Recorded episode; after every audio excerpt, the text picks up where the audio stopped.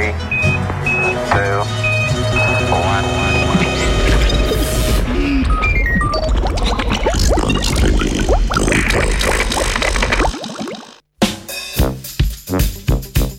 Jo, super nova odkritja. V tokratnem znanstvenem Britofu bomo spoznali kozmološke vplive na raziskovanje supernov tipa 1A.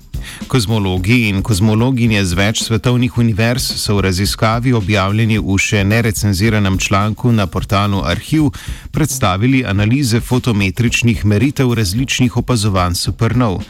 Predvidevajo, da je hitrost materijala, ki izbruhne ob eksploziji, povezana z drugimi lastnostmi supernov, denimo njihovo barvo in nisivom.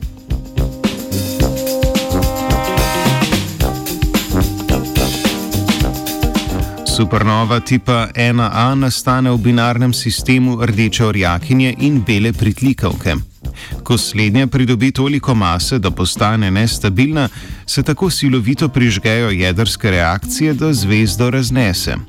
Glede na hitrost eksplodiranega materijala supernove ločimo na hitre in počasne. Njihov konstantni izsev predstavlja enega izmed bolj pomembnih načinov za merjenje razdalj v vesolju. Supernove so zaslužne celo za znanstveno odkritje, da se vesolje širi.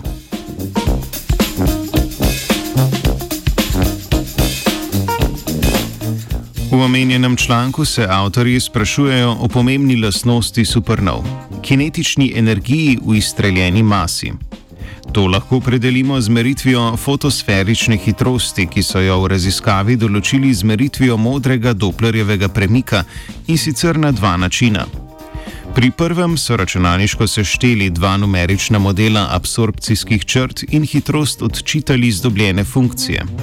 Pri drugem načinu pa so uporabili vrednosti iz kataloga Kepora in jih na to prilagodili razmeram. Tako so lahko primerjali rezultate meritev in računalniške modele 69 različnih supernov.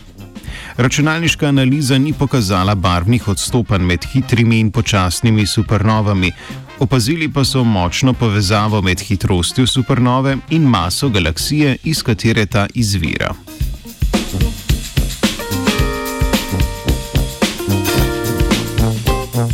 Skoraj izključno vse hitre supernove prihajajo iz galaksij, v katerih je veliko mase v obliki zvezd in ne v temni snovi ali medzvezdnem plinu, kar odpira nova obzorja za raziskovanje. Merjenje in razumevanje povezave med lastnostmi supernov in njihovim okoljem bo v prihodnosti izrednega pomena pri natančnosti kozmoloških meritev.